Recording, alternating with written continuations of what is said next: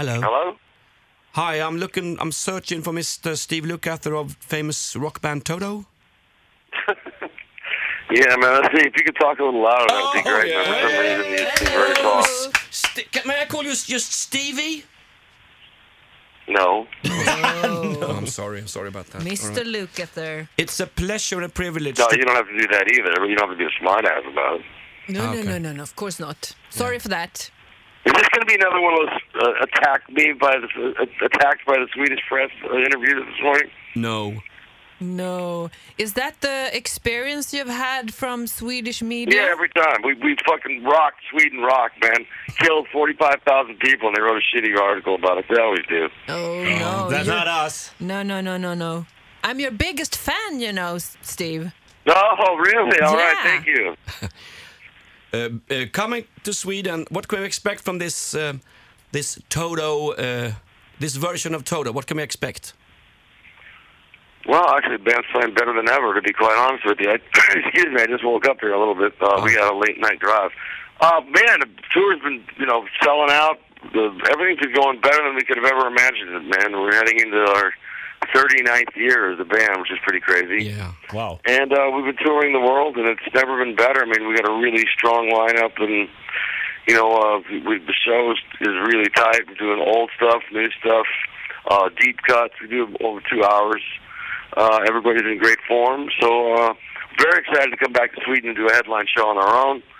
Um, and uh, what, what more can I say, man? You know, I can't believe that I'm still doing this after all these years. Uh, and there's still a positive vibe around it. The new album did really well for us, best reviews. It was in, in top 10 or better in charts all over the world. And our DVD is still selling. Our live DVD has still been, you know, it, it's been a, an amazing resurgence for the band. There's a lot of new things in the wind.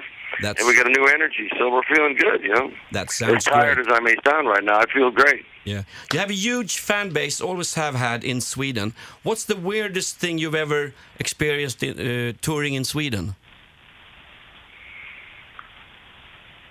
Um, rolling into Stockholm and the and the um, cover of the mag uh, cover of the newspaper said Toto is a shit band. No. That was pretty funny. Oh. Okay. Uh, that Oh. That's was uh, and then crazy. uh, and then as a joke many years another great Swedish thing that happened to us. Uh, which was very funny. Which we have a great sense of humor about this stuff. It's just kind of like an old, come on, guys, you got something better than that. Is that all you got now after 40 years? Um, the one, the funniest thing that happened is David Page many years ago. Um, it was had, had to stay out for a summer tour because his sister was in the hospital, actually dying, which is not funny.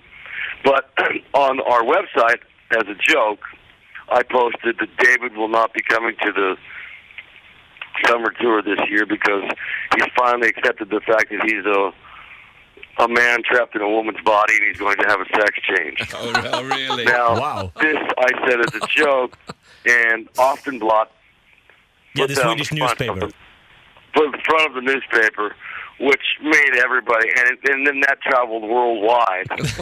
uh, it was really, really hilarious until the gender, the transgender people got a hold of it and thought it was serious. And at first Okay. said, "Thank God that the people understand." Blah blah. And when they found out it was a joke, we got hate mail for a year.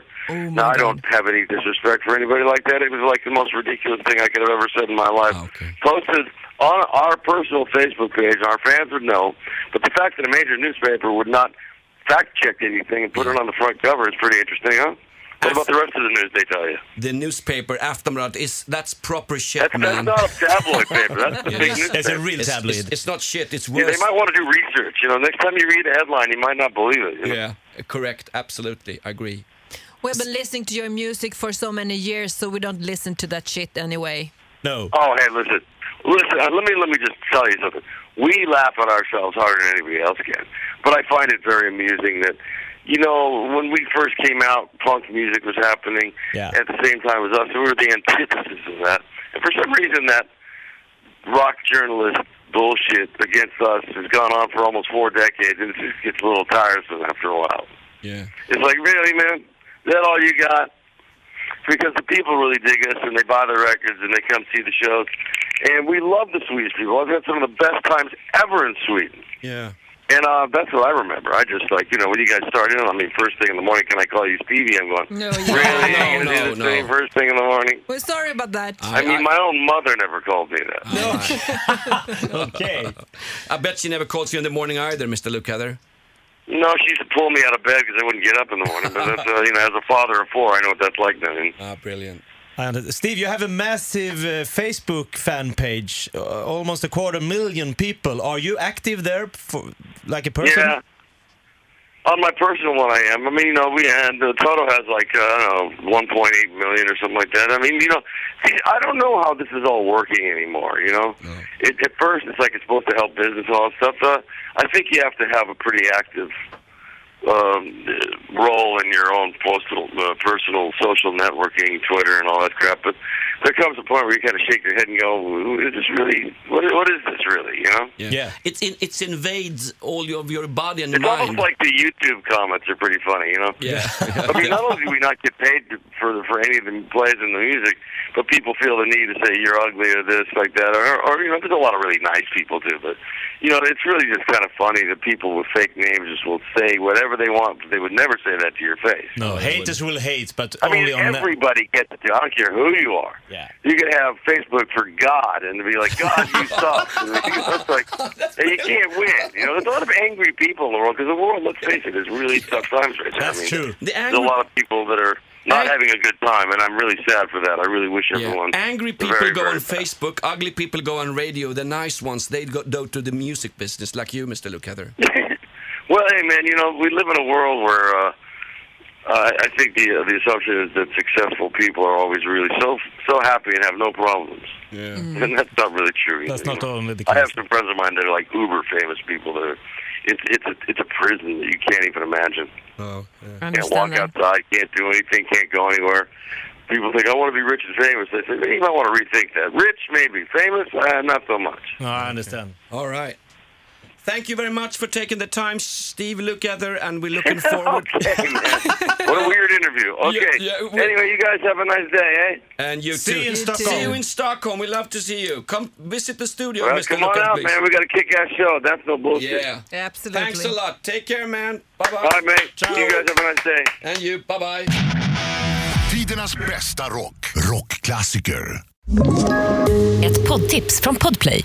I podden Något Kaiko garanterar östgötarna Brutti och jag, Davva, dig en stor dos skratt. Där följer jag pladask för köttätandet igen. Man är lite som en jävla vampyr. Man har fått lite blodsmak och då måste man ha mer. Udda spaningar, fängslande anekdoter och en och annan arg rant. Jag måste ha mitt kaffe på morgonen för annars är jag ingen trevlig människa. Då Då är du ingen trevlig människa, punkt. Något Kaiko, hör du på Podplay. Därför arkadeinerna.